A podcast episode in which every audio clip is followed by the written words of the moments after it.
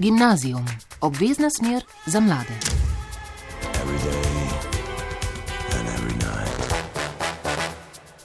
Lepo pozdravljeni v mladinski oddaji Gimnazijum, v kateri bomo popolnoma na svoj način sledili mednarodnemu dogajanju v Glasgowu. Z mladimi se bomo namreč pogovarjali o podnebnih spremembah, a bomo pri tem zelo konkretni. Naša gosta sta namreč zmagovalca filmskega natečaja Keep It Cool, kar bi lahko prevedli nekako kot upočasnimo podnebno segrevanje. Gre za natečaj, kjer so lahko mladi med 13 in 20 letom starosti s filmskim medijem povedali svojo zgodbo o tem, kako podnebne spremembe vplivajo na njihova življenja in njihov vsakdan. Namen natečaja je bil zavestiti tudi druge mlade v Sloveniji, v Sloveniji o problematiki podnebnih sprememb in poslati jasno sporočilo voditeljem na podnebni konferenci Združenih narodov v Glasgowu. Nas pa zanima predvsem to, kaj so svojim izdelkom želeli sporočiti zmagovalci natečaja. Naša gosta sta dijaka gimnazije Vič, Matej Mjuše, Ivšek in Žan Ruter, ki sta že z mano v studiu. Slišali pa bomo tudi druge zmagovalce, osnovnošolce z osnovne šole Dolenske toplice, a njih nekoliko pozneje. Zdaj dobrodošlico izrekam Mateju in Žanu. Lepo zdrav. Najprej seveda čestitke za zmago. Žan, sta jo pričakovala? Hvala lepa za čestitke in konkretno rečeno nismo pričakovali zmage, ker smo se prijavili na ta natečaj bolj v smislu heca. Sva posnela video, mal za šalo, mal za res in sva ga prijavila vsem in sva nekako uspela zmagati. Za res zmagati potem, ne? Tako je. Ja. pa sta bila vseeno najbrž vesela, ne prvega mesta. Ja, več kot vesela, mislim, ta prireditev je bila res zelo dobro organizirana ne? in ko so prišli tja, pač nisem imela nobenih pričakovanj. Um, in potem, pač, ki je prišlo do razglasitve, ne, zmagovalcev so bila zelo živčna, ne, zelo živčna, kdo pa zdaj zmaga. Ne, in po na koncu no, je bil dober izkupiček za najo ne, in sva res eh, dobila to prvo mesto. No. Torej, pred podelitvijo, ki je bila v petek pred jesenskimi počitnicami, nista vedela, da sta zmagovalca. Ne, nisva vedela. Vedela sva, da sva v top 3, nisva pa vedela, da sva dansko pač zmagala. Ne. No, na tečaj Keep It Cool so pripravili britansko veleposlaništvo, British Council, MEPI, mednarodno priznanje za mlade in World Wide Fund uh, for Nature, um, Adria, torej um, organizacije, ki deluje na območju držav bivše Jugoslavije in Albanije. Zmagovalce so torej razglasili v petek pred jesenskimi eh, počitnicami. Ali sta vidva kot sodelujoča srednješolca bila tam edina srednješolca ali je bila uh, konkurenca zmagovalnih filmov velika? Mislim, zdaj je bilo kar nekaj zmagovalnih filmov, mislim, zmagovalnih, bili so dva, bili so dva ne, na koncu, ampak prijavil se mes je tam 25 filmov, če se ne motim. Ne. Kot ste rekli, bili so to učenci od 13 pa pač do 20 let, veliko je bilo pač normalno starejših, ne, torej gimnazijcev, srednješolcev, ne, um, nekaj pa tudi mlajših, no, tako da je bil res spektr je bil kar, kar velik. Pa sta snimala torej iz lastnega veselja ali mogoče zaradi kakšne dobre ocene, ki ste jo potem eh, prejela v šoli, je bil to šolski projekt Žan ali je to čisto vajen interes, da se preizkusite v takih projektih? Za projekt sva izvedela preko mojega učitelja za profesorja za angliščino že junija in potem sva se sama odločila, da bova posnela svoj film. Um, nisva povedala šoli, tako da šola v resnici sploh ni vedela, da sva sodelovala pri tem projektu. Izvedeli so še, še lepo po delitvi. Ko so morali upravičiti vajni zastanek. Tako je. Ampak um, najbrž pa film nista posnela takole mimo grede, je najbrž zahteval kar precej časa. Kako sta torej usklajevala potem šolo, pouk, učenje in snemanje montažo? Ja, tako kot je Žan rekel, v bistvu smo začela vse skupaj tam konc uh, lanskega šolskega leta, torej začetek poletnih počitnic. V bistvu Žan je pač zvedel za ta festival, mi je poslal je rekel, da je kaj pa če grem na to posnetne. Um, in pa smo se tam, pa smo v bistvu večinoma delali čez poletje. Ne. Najprej smo se usedla, smo šla čez, pač, uh, čez navodila, čez priporočila ne. in pa smo v bistvu ugotavljali, v kakšno smer bi mi lahko ta film naredila. Nekaj, pač, mislim, tudi na festivalu je bil res zelo širok razpon filmov. So bili od animiranih filmov, igranih filmov, pa tudi tak je bil najen dokumentarnih filmov. Ne. Tako pa, ko sem enkrat ugotovila, kaj bo pač približno delala, so pa počasi začela snemati. Ne. Snemala so v bistvu že kar neki poleti, ne. tako da sem malo zajela to poletno, poletno um, poleten, poleten izgled barja. Um, pol so pa v bistvu nadaljevala tudi uh, jesen, z začetkom šole. Ne? Enkrat po šoli smo se dobili ena parkrat ne? in pol sva pač šla in snemala na barju. Ljubljansko barje ne? je naslov vajenega filma, to smo pozabili povedati. Zakaj sta izbrala za ta skoraj tri minute dolg uh, film uh, Ljubljansko barje kot primer podnebnih sprememb? No, Ljubljansko barje je blizu nas, ker je v okolici Ljubljane in je del narave kjer povsod v naravi se opažajo podnebne spremembe in zato, ker živiva v okolici Barja, jaz v Kamniku pod Krimom in on na vrhniki, um, sva v bližini in je to najlažji prostor za najo, da se skupaj dobiva, ker je obema je na pol poti, recimo. Pa najbrž ne samo za logistik, zaradi ne, logistike. Ne? Ne, mislim, mi to se potem, ko smo razmišljali o tej ideji, pa v kakšno smer bi hotela mi ta film narediti, pa v bistvu hotela pač pokazati res lepote in zaklade tega našega bisera, ne, narave, ki ga imamo kle dobesedno pred našim pragom. Ne. Um, tako da sem res hotela pokazati, predvsem, kaj lahko mi vse zgubimo s tem, če bomo nadaljevali s podnebnimi spremembami naprej, kot smo zdaj. Ne. Ja, ta vajen film je navdušil prireditelje. Zdaj bomo prisluhnili veleposlanici Združenega kraljestva v Sloveniji, gospi Tiffany Sedler, in izvedeli, zakaj so skupaj z drugimi organizacijami sploh pozvali mlade k natečaju in kakšno vlogo bodo filmi mladih odigrali na podnebni konferenci Združenih narodov v Glasgowu. Povod je bila podnebna konferenca v Glasgowu, kjer govorijo o tem, kako se lahko soočimo s podnebnimi spremembami. Pomembno se nam je zdelo, da na njej slišimo tudi glas mladih iz Slovenije. Zato smo odprli natečaj za filmske prispevke o tem, kako podnebne spremembe vplivajo na življenje mladih in kaj želijo, da se naredi oziroma spremeni na tem področju. Upamo, da bodo filmi predvajani na stojnici British Council v Glasgowu. Glasgowu v naslednjih dveh tednih. Mislim, da bodo pustili vtis. Zame so filmi priložnost, da slišim glas mladih, vidim njihovo vizijo sveta v prihodnosti in tudi tega, kaj lahko za naš planet naredijo sami. Na natečaj so prišli zelo raznovrstni kratki filmi. Nekateri so se osredotočali na spremembe, ki jih pričakujejo od voditeljev, drugi na spremembe v načinu življenja mladih samih, ki lahko izboljšajo planet. Izdelki imajo vsekakor težo in glasove mladih se sliši v Glasgowu. To se nam zdi pomembno, saj bodo mladi v prihodnosti podedovali svet.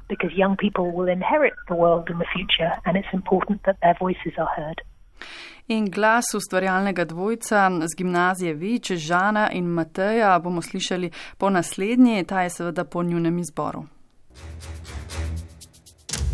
Gimnazijum, obvezna smer za mlade.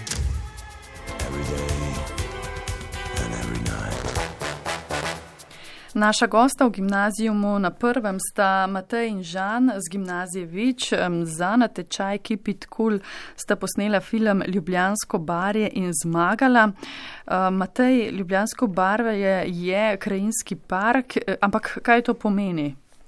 Zdaj, pač ja, krajinski park, neko območje, ne, um, ne, ne, ki je v bistvu pač zavarovano, ne, zavarovano zaradi nekih svojih naravnih, uh, naravnih nekih lepot um, čudesa. Ne? In zdaj pač Ljubljansko bar je lep primer tega, lep primer nekega krajinskega parka, ki ga moramo čuvati. Moramo ga čuvati, ker če ne ga pač čez, ne vem, v prihodnosti ne bo več. Kaj tebi pomeni ta, ta del tvojega lokalnega okolja, ne? z vrhnike si, večkrat se najbrž tudi peleš mimo, čez, mislim, tako, ne? Kaj, kaj tebi pomeni? Si navezan na to ali samo veš, da je treba za to skrbeti, ker, ker je zavarovano območje? Mislim, definitivno, ker smo zdaj žanom ta projekt naredila, ne, smo se res poglobila ne, in raziskala Ljubljansko barje, njegovo zgodovino in predvsem kako se spreminja. Ne, tako da smo res še, bolj, še toliko bolj spoznala, koliko je v bistvu to res pomembno območje, ne, naravno območje v Sloveniji. Ne. Zdaj pa res mislim, jaz vsak dan peljem enkrat gor, enkrat dol po Ljubljanskem barju, tako da ga itek pač, si prisilen, da ga opazuješ. Ne, ampak res, če si pa kdaj človek najde čas in gre na nek sprehod ali pa pohod po Ljubljanskem barju, to je pa res, mislim taka milina, lepota, tišina, ki tam lahko doživiš, pa je res nekje drugje ne moče. Ne? Prvo človek gre tja in se zasanja in sam odplava v nekih svojih mislih. Ne? In tako tudi mora ostati. Ne? Tako mora ostati in zato smo se v bistvu mi da nekako uh, borila s tem najnim filmom. Ne? Žan pa je eh, to, da je, je krajinski park eh, Ljubljansko bar je tako blizu glavnega mesta države prednost za ta park ali v bistvu slabost? Bližina glavnega mesta verjetno Jaz bi rekel, da ni ravno prednost zaradi eh, hrupa, pa prometa, In konec koncev tudi onesnaževanje zaradi vsega prometa iz mesta, pa blokov in hiš, verjetno gretje, vse dim. Tudi na vasi kurijo na drva, kar se zelo pozna zdaj v zimskem času, tako da verjetno ni ravno prednost za bližina. E, tudi uh, kar nekaj graden je bilo tam v zadnjem času, nekdo bi temu rekel, da je to napredek, ne? Matej, kaj pa ti meniš? Napredek, to je tak, ko bi se rekel, dvorezni meč. Um, na eni strani, ja, mislim, je napredek, se neke nove stvari delajo, sem pa se pa treba res vprašati, za kakšno ceno se to dela. Zdaj mi je, ker sva ta, a ne pač film delala, sva veliko raziskave naredila in res pač Ljubljansko bar je je skoraj rekel žitnica Slovenije do neke mere. Ne? Brez, mislim, če ga ne bi uporabljali za svoje te kmetijske sposobnosti, potem mislim, a ne, ne bi mogli tako preživeti. Ne? Tako do neke mere ga skoraj da že moramo ne, uporabljati, um, izkoriščati, nažalost tudi, ne, če hočemo pač živeti. Ne? In to, kar je Žan rekel, res mislim, ni fajn po svoje, ne, ker je um, v bližini glavnega mesta Ljubljane, ne, ampak mislim, če ne bi bilo tukaj barja, potem ne bi imeli prvo kot prvo res hrane, drugo, drugo pa tudi vode. In si spod talnice, ki je, mislim, ki se skriva pod Ljubljanskim barjem, se velik delež Ljubljane um, ne, napaja. Tako da brez tega, mislim, si, po mojem, res ne znamo predstavljati, kako bi mi delovala. Ne. Zdaj vsaka nova gradnja, ja, propele, mislim, sabo pluse in minuse. Ne. Zdaj plusi so, da mogoče se pa tudi bolj zaveščamo o tem. Ne. Zdaj, ne, še posebej dan danes, ne, ko so te nove gradnje, mora res slediti nekim striktnim um, pravilom, ne, nekim regulacijam. Mogoče to zelo pomaga, da se, da se gradi širjo zaveščenost v barju. Zdaj, če, mi, če ne bi pač nas zanimalo Ljubljansko barje, bi ga pač res ignorirali. Zdaj pa, če je nek interes tudi za nekega, recimo, podjetnika ali pa neko hudo podjetje, da pač dela ali pa deluje na Ljubljanskem barju, bo definitivno se tudi poskrbelo za to, da bo potem deloval korektno. Po teh novih standardih. Ne. Žan, rekel je Matej, da sta kar veliko raziskovala. Kako se je torej Ljubljansko barje spremenilo v zadnjih desetletjih? Um, konkretne raziskave nisem ravno delal jaz. Um, tako da verjetno bi največ o tem vedel povedati Matej. Matej boš ja. ti povedal. Mislim, definitivno zdaj barje, ne, bom tako začel, no, človek živi v sožitju z barjem že res od časa koliščer. Takrat so pač ljudje prvič prišli na stik z ljubljanskim barjem in so se in so se naselili ob robu barja ne, in, so pač, in so v bistvu živeli, kot sem rekel, v sožitju. Bar je predstavljal za človeka takrat um, nek uh, okolje bivanja, hkrati pa tudi vir vode, živeža in tako. Ne. Zdaj pa te neke večje spremembe ne, so se pa začele dogajati na Ljubljanskem barju v bistvu času Marije Terezije. Ne. Takrat je prišla ideja, da bi zdaj celo barje izsušili popolno. Um, in da bi ga pač res uporabljali izključno in samo za uh, kmetijske namene. Nekaj. Zdaj pač bar je treba se zavedati, to je za človeka kot neko funkcionalno. Um, Je funkcionalna področje zelo neuporabno in je preveč mokro, neprehodno in, in res človek od njega nima dejansko nič uh, uporabnega iz tega, iz funkcionalnega vidika. Pa ne. na prvi pogled. Na, tako, ja, seveda, na prvi pogled. Zdaj, če hočemo, pa, če pa razmišljamo ne, o tem, kaj pa nam mogoče res ne na prvi pogled ponuja Ljubljansko bar, je pa to veliko več. Torej, ja, v času Marije Terezije so ga probali sušiti, ampak na srečo jim ni to uspelo, tudi niso probavali. Ampak vse od takrat, mislim, se je res barje se je skrčil. Ne. Nivo vode je eh, za par metrov nižji ne. um, in, in mislim, velik del je obdelan s kmetijskimi površinami. Ne. Tako Ampak, da oblika se je res drastično spremenila. Kakšen pa je torej pomen takih mokrišč pa bari za okolje? Zdaj, mislim, eno, eno so definitivno te njegove biotske, um, biotske lastnosti. Torej, bar je predstavlja um, v bistvu bivališče za mnoge vrste rastlin in živali. Ne. Zdaj, kar je zanimivo, da v bistvu tudi, zdaj recimo, um, ki ga izkoriščamo za kmetijstvo, ne, da se je v bistvu veliko vrst prilagodili ali pa neke nove vrste prihajajo na barje, lih zaradi tega, ker smo spremenili to um, krajino. Recimo te jarki, ne, napajalni jarki so zelo zanimivo, a ne, ker so nastali pa človek jih je naredil, ne, ampak so res, mislim, zelo biotsko pestre. Ne. Tako da v bistvu je človek nekako naredil neko novo, uh, novo vrsto krajine, ki pač tudi ustreza nekaterim vrst živali. Treba se pa zavedati, da res veliko vrst živali in rastlin je pa tudi izumrlo zaradi človekovih posegov v barje. Ne. Tukaj se tudi treba zavedati, ne, da v bistvu, ko govorimo o Ljubljanskem barju, pa o spremenjenju, eno so pač res, kako je človek ga dejansko spremenil, drugo so pa pol vpliv podnebnih sprememb, ki pa vplivajo na cel svet. In tudi to nam na res velik uh, način vpliva na pač krčenje in manjšanje in uničevanje tega našega Ljubljanskega barja. Prej si uh, omenjal že vodo, ne, uh, da je zaradi tega zelo pomembno, pa tam je tudi poletje v bistvu malo hladneje zaradi vode, ki se zadržuje v te prsti. Ne. Ampak barja so tudi, uh, kot sta povedala ne, uh, v svojem filmu, eno največjih skladišč oglikovega monoksida. Ne. Tako je, ja, res. In to se še posebej se to vidi v bistvu tam v recimo severne, v Sibiriji, ne, recimo, ker je res veliko več barjene in s tem, ker pač se niža nivo um, vode ne, in, se, in se pač ta parma, permafrost uh, tali, ne, uh, se res veliko tega CO2 spušča v zrak. Ne. Nekaj so pa tudi računali, zdaj ne spomnim se čisto natančno, ko mesec, če bi se ne vem, za 10 cm znižala um, gladina vode v Ljubljanskem barju, bi to bilo kot, enako kot za 10, 100 tisoč avtov v enem letu, da to spustijo tega CO2, oziroma kot pa ga. Um, torej, ta vajen triminutni, še ne triminutni film, v bistvu res vključeval eno poglobljeno študijo Ljubljanskega barja in prav vseh teh podatkov nista ne vključila eh, ne, potem v sam definitivno, film. Definitivno ne, jaz mislim, sva res naredila zelo široko raziskavo, res v zgodovino barja, v, v, v spreminjanje, pod, mislim, ne, samega izgleda barja, tako in drugače, v živalske vrste, rastlinske vrste, ne, tudi v to, kako barja samo pomaga pri podnebnih spremembah. Ne. Res to je tako, mislim, pestro okolje da ne moreš ti vsega vključiti v tri minutni video, ne? res ne.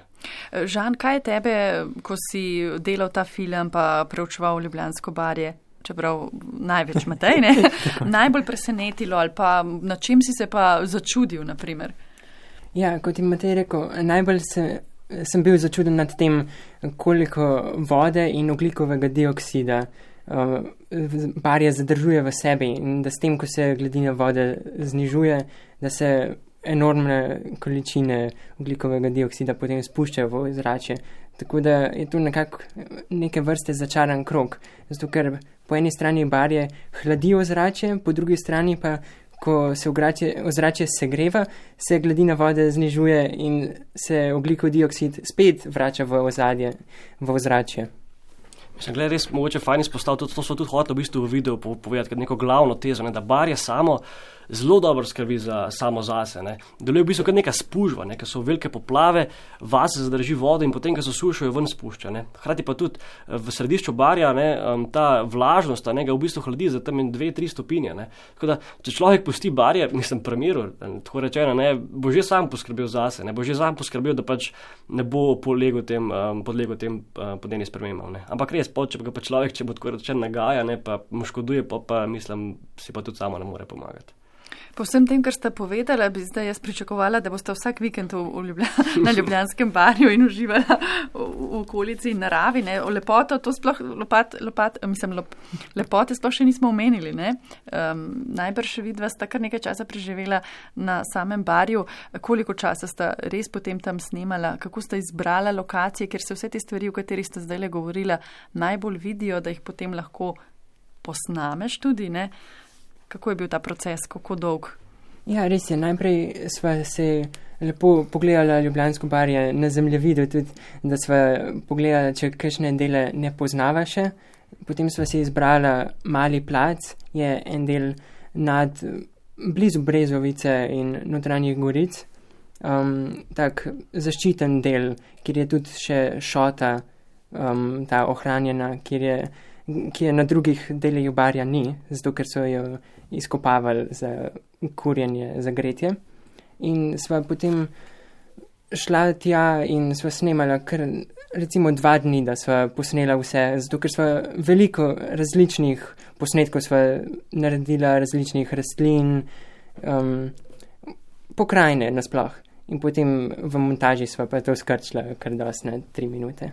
Sta imela prej pripravljen scenarij ali pa snemalno knjigo, sta si prej odšla ogledati ta teren? Um, bolj, bolj ali manj nismo imela pripravljenega scenarija. Imela sva v mislih, kaj, bo, kaj želiva povedati, um, da bi pa prav delala snemalno knjigo in, ali pa scenarij, pa se nisva tako poglobila v to. Ja, ta naj način dela je bil v bistvu do, dosti sproščen. Jaz pa pač napisala to raziskavo, ne, približno nek scenarij, mislim, kaj bo povedala. Ne. Pa so pa šla na bare, pa so pa so sam snemala, pa so uživala, so, so se sprehajala okoli, opozvala, vsak je zanimivo ga videla, so šla posneta, ne, samo mogoče kaj, kim se splazla, ne, samo po tleh hvalala, ne. In, in, in pač je bilo res zelo, zelo sproščeno vzdušje, ne. Ne tako ponad, kad človek snema filme, ne, pa imaš nek scenarij, moraš slediti temu, ne, pa imaš časovno omen, jaz sem pač res samo uživala, ne, sprehajala sva se in res sva nekako čut, začutila to uh, milino barja, o kateri sem prej govoril. Ne. Pa postregla vama je z zelo lepimi kadri. Ne? Ja, definitivno. Tako kar umetniške kadre ste naredili. Edino prav, ne to. Klele, ste imela direktorja fotografije, ste bila vidva v bistvu. To, to je klele, po moje fajn, da se v bistvu, mislim, klele, Žan res naredil veliko, vel, velik del, ne. On je v bistvu tudi velikat, ne, ker se je um, recimo domov vozil z vlakom, ne, je zraven kaj posnel, ne, in mislim, on ima to umetniško žilco, nekaj človek, ja. da res naredi kaj tazga, ne. Um, ampak ja, dejstvo je pa tudi to, da smo res veliko časa snemali. Ne? Mislim, veliko časa, tako skozi veliko časovno obdobje. Nekaj smo posneli polet, nekaj jesena. Ne? Tako da polkej, pač kakšen dan smo šli snemati, pa ni bilo v redu. Ne? Pa ni bilo v redu, pa nismo več pametnega našli, pa drugič pa spet kaj zanimivega. Ja, recimo ena od stvari, ki smo jih želeli si posneti, so bile jutranje meglice, ki so na barju, take res lepe, bele meglice in potem sončni vzhod, da vse lepo zasije. Ampak zato, ker je bil ta natečaj polet, ni bilo res časa, zato ker niti meglic polet ni, zaradi vročine, ki bolj po zim, ker je hladnej tudi po noč. Pa se, več vlage, ja, ne pa tega. Zaradi vlage, ja. Mm. Uh, torej, je še nekaj ostalo, kar ni prikazano v vajnem ja, filmu. Veliko ja. zakladov je še skritih ne, in jih lahko ljudje sami odkrijejo. Res je. Kaj pa kakšen, uh, kakšna anekdota, no, ta je že ena takih, a ne še, pri, ki se je zgodila pri snemanju ali pa mogoče uh, izziv največji uh, pri snemanju kakšnega kadra, ne vem, da, da je kdo stopil v, v, v kaj ja. in potem to, to si umazal čevlje. Smo kar izkusila danski pomen barja kot neko močvirnato ne, eh, območje z veliko vode, tako da ja, to, to je pač bilo veliko netono. Ene barge so stopila v vodo, ne mislim ja. v. v Mogoče tam hodiš po, po blatu, ne pa jih ne veš, enkrat se ti bo drl noter, enkrat ne, ne tako da moraš biti res zelo previden, ne smo tudi ja izkušali na lastni koži, ne, kaj, kaj to pomeni. Ampak vajen video vključuje tudi naprimer posnetke tovaran, izpuhov, vele mest, neko govorite o teh podnebnih spremembah. To najbrž niso avtorski posnetki. Ne, res je, to niso najni avtorski posnetki, zato ker sva želela na začetku prikazati podnebne spremembe, ki so povsod v svetu in sva želela na splošno pokazati, da tovarne proizvajajo oglikov dioksid. In sva posnetke poiskala na internetu, seveda sva pazila pri tem na avtorske pravice in sva na, našla spletno stran, kjer so vsi videoposnetki za ston, tudi tako, da ni treba navajati virov. To je kar plus, ne? Ja, ja, bi rekel. Zato, ker veliko teh posnetkov je zaščitenih in je res težko najti kvalitetne posnetke, ki bi jih lahko uporabil za ston. Uh, Seveda, snemanje je eno, potem pa sledi postprodukcija, ne montaža.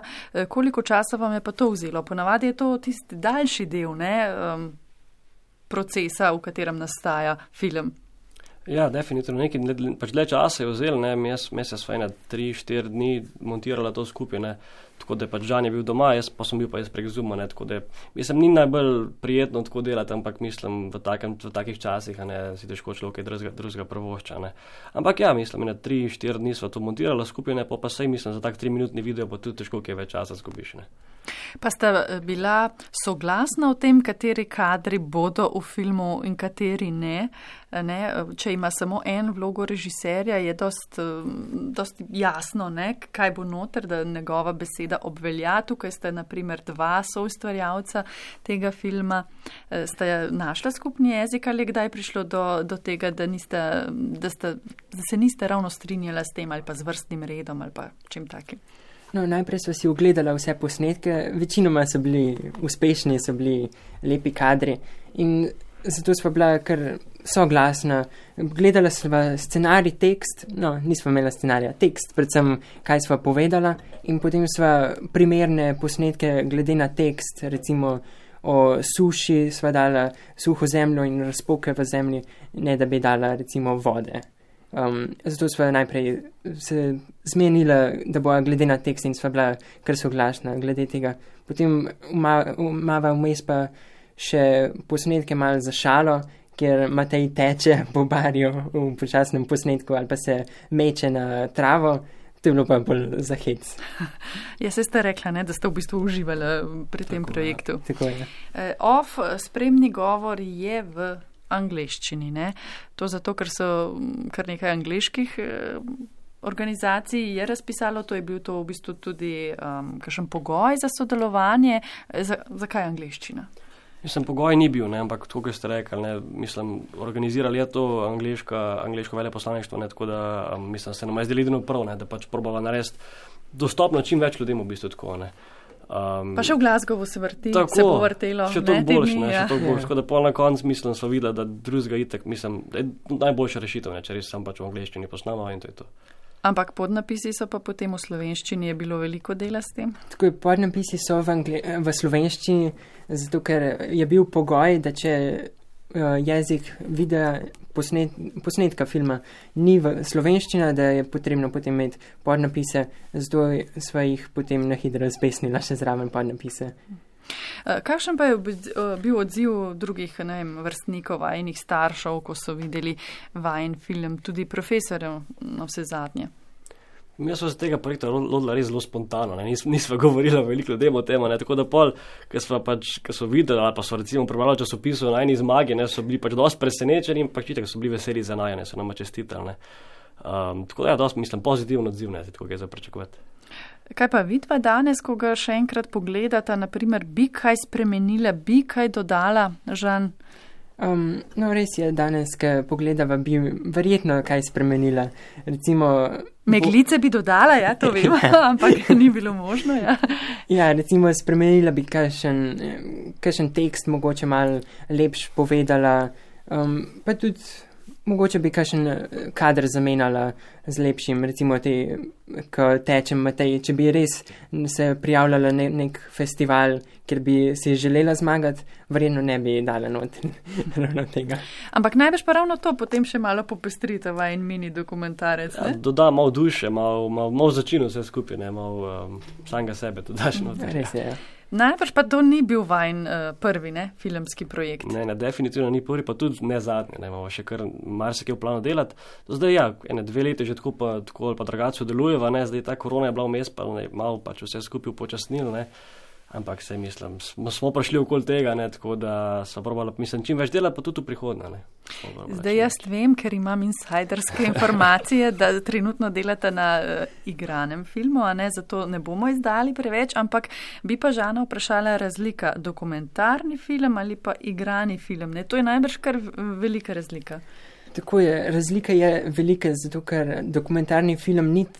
Res je, da je mogoče lahko zahteven, glede na raziskave, ki jih je potrebno narediti. In recimo, če snemaš v neki lokaciji, je treba tja priti, ampak tako je treba na lokacijo priti v igranem filmu. Je pa res, da je delo še z igralci, z režijo, uh, za, zato da lepo igralce razvrstiš, da tudi znajo oni zaigrati. In tudi z zvokom je več dela, tako da rabiš večjo ekipo tudi. Ker ta film, dokumentarni, smo mi dva sama delala, za igrani film nas je bilo pa recimo osem. Matej, najtežja naloga pri dokumentarnem filmu, po tvojem mnenju, bi bila kaj? Po mojem najtežje, pa hkrati tudi najpomembnejše je lih ta raziskava, da ti veš, o čem govoriš. Ne? Um, ker res ena večjih vrednosti ne, dokumentarnega filma je to, kar ti lahko podaš gledalcu, kakšne informacije, kako to lahko ti na zanimiv način gledalcu predstaviš to svoje ideje. Ne. Tako da po moje to je res, mislim, najpomembnejši del. Uh, pa tudi najtežji pola, ko pride res do tega, ne, um, pri delanju pač dokumentarnega filma. Ne. In vajno ključno sporočilo filma Ljubljansko barje je, To, da je Ljubljansko bar res en tak biser, zaklad eh, te naše slovenske narave in da se moramo zavedati, kaj imamo, predtem to zgubimo. zdaj pa ne smemo zgubiti tudi občutka za čas, ura je 20 in 33 minut, čas za naslednjo skladbo. Regan Bone je bil tole, sem samo človek, smo slišali v refrenu skladbe Human, tega angliškega pevca in tekstopisca. Žan, to je bila tvoja glasbena želja, pa me zanima, si ti je ta pesem samo všeč ali si hotel nam še kaj sporočiti z njo? Mislim, glasben okus se spreminja skozi. Recimo, čez dva tedna bo mogoče že čist nekaj drugega mi všeč, zato ker poslušam, kar je. V tem trenutku. Nima pa nobene povezave z vajnim sporočilom eh, filma Ljubljansko barje in s tem, kako ljudje smo zelo dobri v tem, da iščemo izgovore za svoja dejanja. Lahko bi imela to povezavo, da iščemo izgovore, ampak noben izgovor ni res pravi izgovor, zato ker če nekaj ni v redu, potem raj ne tega delati, ne išči izgovorov. Kakšno pa je bilo sporočilo še drugih zmagovalcev na tečaja Keep It Cool? Uh, ti prihajajo z osnovne šole Dolenje Toplice, navdušili so svojim filmčkom Kdo je kriv. Na tečaj so na pobudo ravnateljice vključili v Erasmusov projekt, ki poteka na šoli in sicer bodimo kreativni in se učimo z umetnostjo. Z ustvarjavci iz osnovne šole Dolenske Toplice smo govorili po telefonu, najprej z učiteljico razrednega pouka Urško Bučar in prav pri okoljskih teh temah, pravi, mladi res radi sodelujejo in se tudi veliko naučijo. To je ena taka aktualna tematika, ki v bistvu mislijo, da se jih ne potika prav veliko, pa smo skozi to ustvarjanje filma ugotovili, da je ta okoljska vzgoja, okoljska problematika še kako del našega vsakdana. Kako ste se lotili dela? Najprej smo poiskali interes naših učencev, kdo bi sodeloval na to. Potem smo se dobili na enem takem uvodnem skupnem Zoom sestanku, kjer smo razpravljali o tem, kakšne so tiste spremembe v našem okolju, ki jih opažamo, eh, kaj vidimo. Potem je bila naslednja stopna pogovor o tem, a smo mi tisti, ki na to vplivamo, da se dogajajo tako negativne stvari kot rešitve, ki jih lahko počnemo. In potem smo začeli pripravljati te naše ideje eh, najprej na, na papir, potem smo šli pa še v samo okolico, tam, kjer stanujemo, tam, kjer hodimo v šolo in smo začeli snemati in ustvarjati naš končni film. Zdaj pa bi um, besedico predali Mojci Kavčič, učenka osmega razreda je to, pa bi njo vprašala, koliko dela je bilo s tem filmom, ki je zaslužil potem prvo nagrado. Eh, živijo, dela ni bilo veliko, delali smo približno tri tedne, pa že to ne vsak dan. Vzeli ste kot izhodišče eno tako zelo enostavno stvar, v kateri najbrž ne razmišljamo veliko, pove pa kar veliko, ne? da se zadnje čase po zimi ne moremo več smučati, ker ni snega. Ja, iz tega smo izhajali. V bistvu smo dali takšen naslov, ker smo se na začetku sprašvali, kdo je kriv, pa smo bili mi v bistvu skoraj 100% da mi nismo krivi, smo krivili druge ljudi. Potem pa smo s časom, ko smo snemali filmček, ugotovili, da smo krivi mi. Kako ste tudi mladi, ne, pa vsak človek eh, posebej, krivi za to, da se z okoljem dogajajo stvari, eh, ki niso dolgoročno najbolj dobre? Eh, mečemo smeti po tleh, ne ločujemo, tudi veliko hrane stran odvržemo v trgovini, kupimo preveč, tudi kar sploh ne potrebujemo in podobne stvari. Nejc Zadravec, lepo zdrav tudi tebi. Ja, enako. Zdaj ti si bil glavni junak na smučkah v tem vašem filmu, ampak kako je vse skupaj potekalo? Ste imeli kakšen scenarij, kje boste snemali, kaj vse boste posneli in seveda me zanima, kdo je tudi tiste grafike vmes narisal, a ne vi imate narisano zemljo, ki jo potem pobarvate, mečkate tiste liste, ne tudi animacijo ste torej vključili v svoj film. E, v delih smo slikali in vmes tudi barvali. V, v programu Slow Motion smo pač dali skrb slike v en video in se zdelo, da se zemlja, da se vmes, da se uničuje in pol tudi nazaj, da se popravlja. Kako pa je bilo smučati na travi? Ste se ja. zabavali pri tem, ko ste snimali to? Zelo težko, ne? ampak je bilo zabavno. Še Pijo Vidic moramo vprašati, ker je bila tudi sestavni del ekipe. Kakšna je bila tvoja vloga v tej ekipi filma Kdo je kriv? Um, da naredim muziko in da igram v tem filmu. In kako je šlo snemanje? Ste se vi prvič srečali s to vrstno dejavnostjo, filmsko umetnostjo ali je to za vas mala malica? Um, v bistvu je bilo kar mala malica za nas. Um, ampak sem se tudi že prej srečala s tem v Erasmus Plus projektu, um, že lani. Pa ste morali kadre veliko krat eh, ponoviti ali ste vse v prvo dobro posneli? Ne, smo mogli ponoviti. Si pa torej glasbenica, če si ti imela nalogo glasbo narediti? Ja, Kaj pa igraš? ukulele. In si posebej za ta filmček potem naredila glasbo? Uh, ja, ampak sem jo naredila na programu. No, potem skladateljica, ti že lahko rečemo, ne? Ja. Pija, kaj je po tvojem mnenju glavno sporočilo vašega izdelka, vašega filmčka? Da ni vse kriv sem pač en človek ali pa ena tovarna, ampak smo krivi vsi.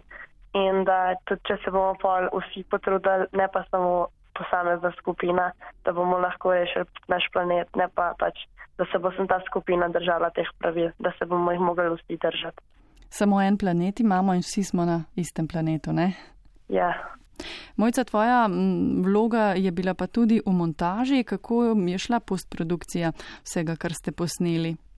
Um, najprej smo v enem programu skupaj združili vse posnetke in filmčke, potem pa smo šli še montirati, da smo dodali še glasbo in tako naprej.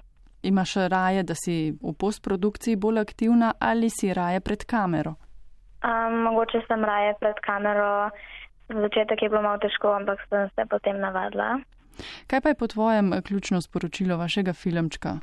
Um, po mojem je ključno sporočilo filmčka, da smo v bistvu krivi vsi in da se moramo čim hitreje um, spraviti delati boljše stvari, torej pač ločevati odpadke in takšne stvari, ker imamo samo en planet in ga ne smemo še bolj uničiti.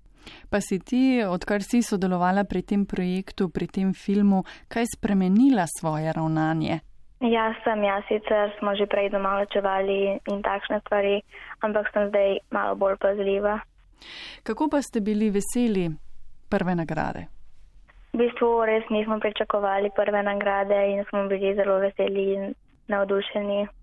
Pri tem projektu vam je pomagala tudi Jasmina Kokal, učiteljica, profesorica slovenščine na vaši šoli. A lahko govorimo še z njo, prosim? Ja. Pozdravljeni. Ja, lepo zdrav. Vas pa bi vprašala, pri čem so pa otroci, osmošolci potrebovali največ vaše pomoči, glede na to, da ste bili ena izmed mentoric pri tem projektu?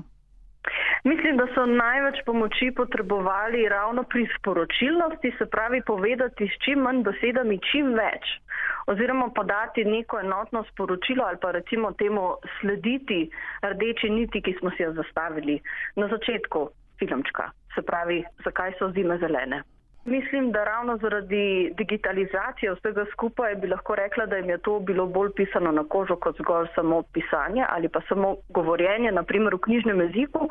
Mi smo pravzaprav posneli filmček kar v pogovornem jeziku, ker se nam je to zdelo nekako naravnejše in je mogoče izpadlo bolj pristno, bi jaz rekla temu. Koliko pa je sploh teh okoljskih tematik na šoli, na urniku in kako vaša šola torej s takimi projekti dodatnimi skrbi za to, da se mladi izobražujejo na tem zelo pomembnem področju? Tukaj vabimo tudi druge, ki prihajajo na šolo, recimo, da predavajo o tem, potem v, tudi vključujemo v same ure to problematiko, recimo pri biologiji, pri geografiji in tako naprej. Se pravi, smo na takočem tudi glede mogoče novosti, potem smo učence seznanili s tem, da je zdaj le konferenca v tem času v Glasgowu in tako naprej. Pa bi teh vsebin mladi potrebovali še več? Menim, da bi morali to problematiko še bolj na široko odpirati in jim približati to na tak način, da bi oni razumeli eh, ravno z tega vidika, koliko lahko kot posamezniki prispevajo k temu, da izboljšajo stanje planeta. In najbrž so prav takšni natečaji, kot je tale Kipit Kol, eno sredstvo, eno urodje za doseganje prav tega. Ne? Absolutno. Tale natečaj se je izkazal za zelo zabavnega, zanimivega in koristnega, pa še kaj novega smo se pri tem naučili.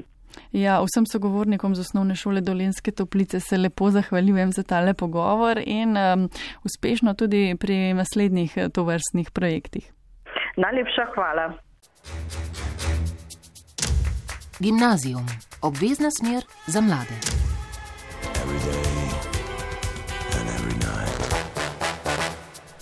V studiu prvega sta z nami še vedno dijaka Matej in Žan, avtorja drugega zmagovalnega filma na tečaja Kipit Kul Ljubljansko barjeno. Oba filma uh, boste lahko videli tudi na naši televiziji, enega že to soboto, drugega pa decembra, sicer pa seveda Če jih poiščete, jih najdete tudi na spletni strani in lahko vidite, o čem se danes pogovarjamo. Um, Žan in Matej, slišali smo, da so se osnovnošolci pri ustvarjanju filma tudi marsičesa naučili.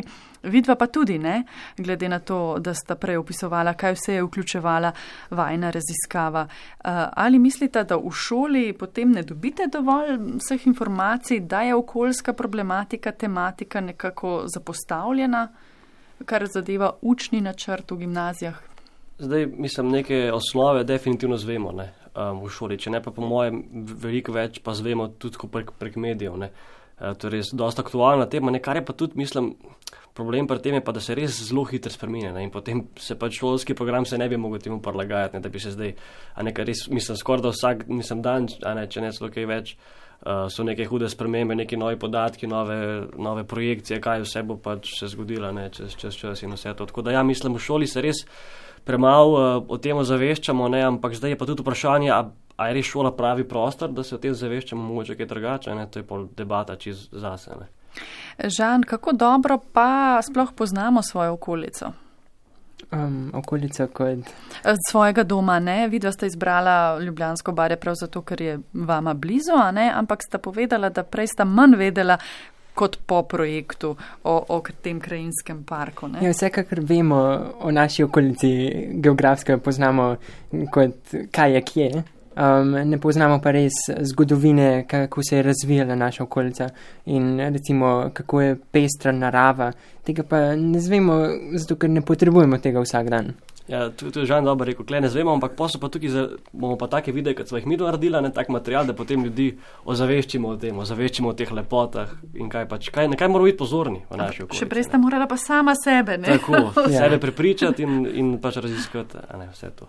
Koliko mladi torej razmišljate o okolju, o podnebnih spremembah? Zdaj, če, če gledam vaju, vidva sta um, zelo padla v to temo, ampak. Um, Saj zdi se mi, ko smo se pogovarjali, je bil prvi motiv pa to narediti film, dokumentarni film. Ne? Je potem to znanje o krajinskem parku pa v barju prišlo kasneje in to zavedanje, kaj vse uh, je njegovo poslanstvo. Ja, zdaj mi to pač drugače nismo neki aktivisti ali pa ne, da bi se borila za te stvari, mi smo pač ustvarjalce filmov. Ne. Zaradi tega smo se lotili tega projekta, ne, ampak nam, nam je pa ta filmska pot popeljala do tega, da smo res mogla pač ne, raziskati in uh, v bistvu odkriti, kaj vse se skriva za tem našim ljubljanskim barjem. Ne. Tako da ja, mislim, ni bilo to najne glavni, glavni namen, ampak po mojem smo kar do, dobro. No. Uh, dobro, da smo se tega lotila, da smo res spoznala in, in da tudi zdaj drugim, bo, mislim, našim sovrstnikom, pa tudi starejšim, ne, nekako povedala, prikazala, ne, kaj, kaj je kle pomembno, na kaj treba paziti in kaj lahko izgubimo.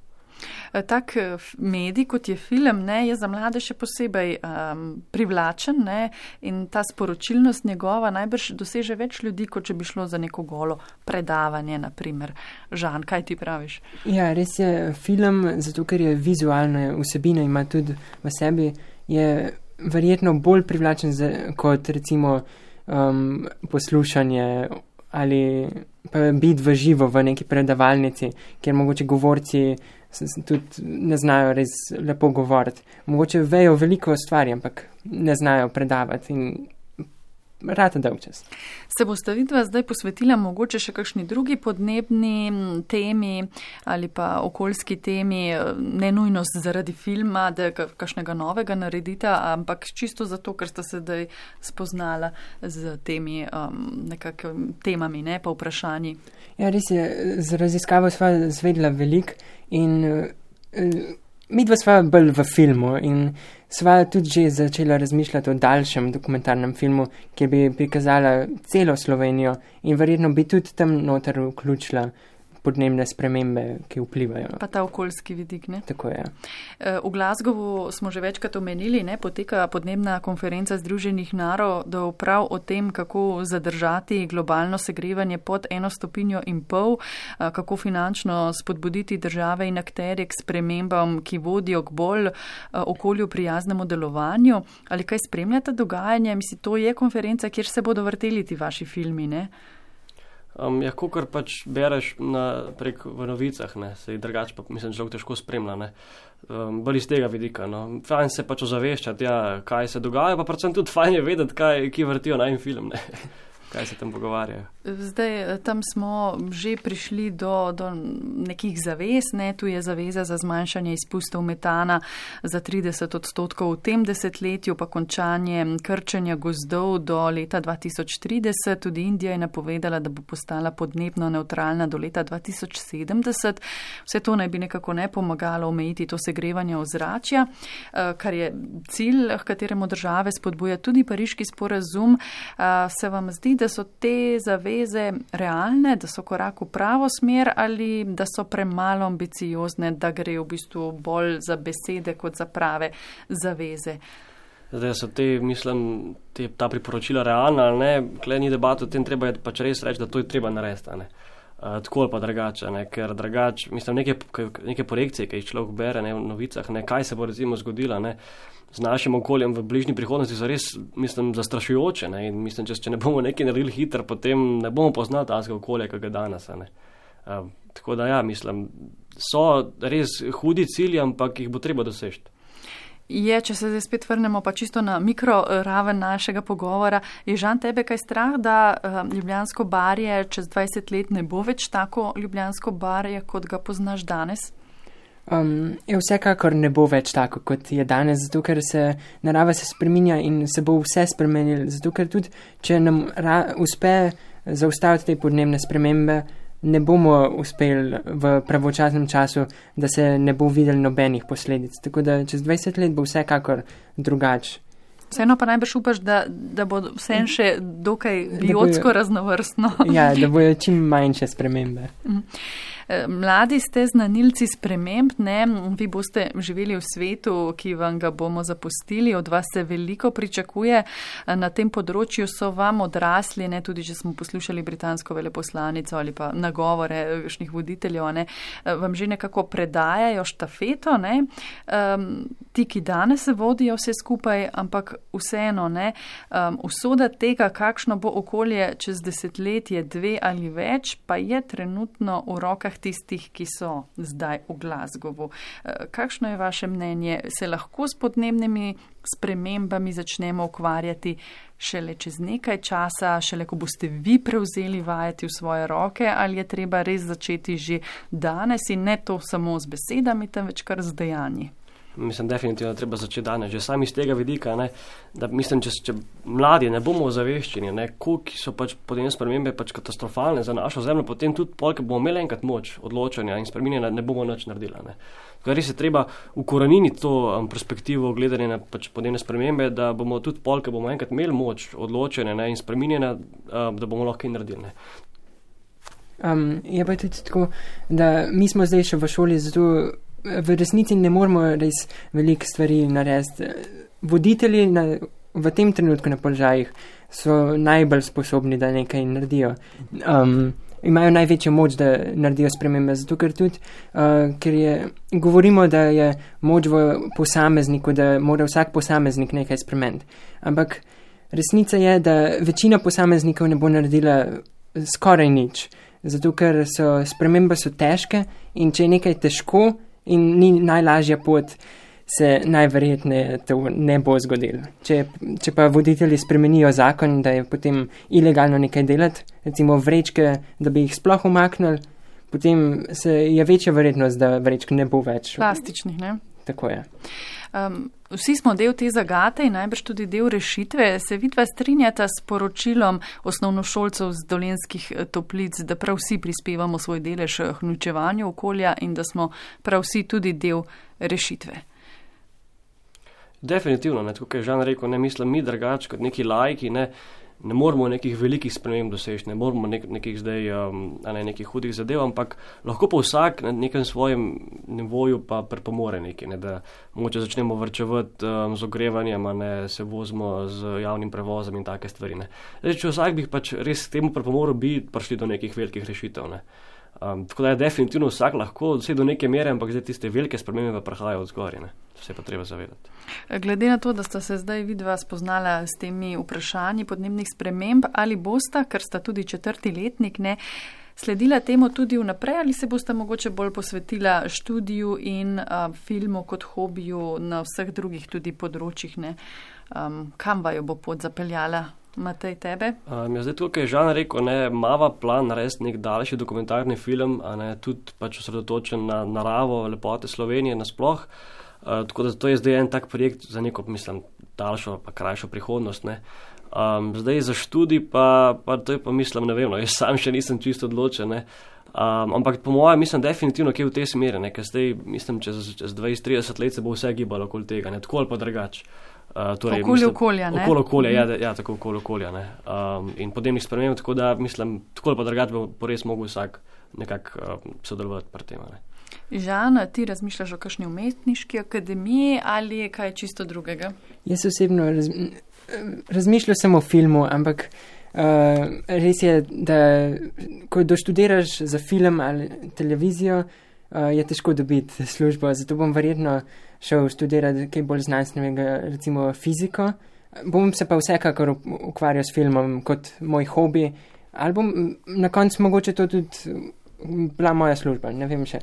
Ampak se bom ukvarjal tudi v filmu s podnebnimi spremembami, v dokumentarnih filmih, poleg igranih filmov. Ker vsi filmi ne pa lahko nosijo neko sporočilnost, ne, ki jo lahko predajate tudi že mladi avtori um, filmske umetnosti. Ne? Tako je. Matej, za zadnje vprašanje, kje ti vidiš pomen filma tudi pri, v tej svoji sporočilnosti? Um, ali lahko prav z njo mladi že zdaj um, mešate štrene, sporočate svoje ideje, vplivate na mogoče tiste, ki gledajo film v Glasgowu? Definitivno. To je, to je, film je en tak res fajn medij, se da zelo veliko s tem povedati in to je to, so tudi mi hotla. Hotla sta res prikazati, uh, kaj, lahko, kaj vse lahko zgubimo in kakšne so res te lepote, ki jih pač moramo čuvati. In zdaj torej igrani film in potem še dokumentarni film. Jaz verjamem, da se bomo še srečali v tem studiu. Upam, da res. Čim prej.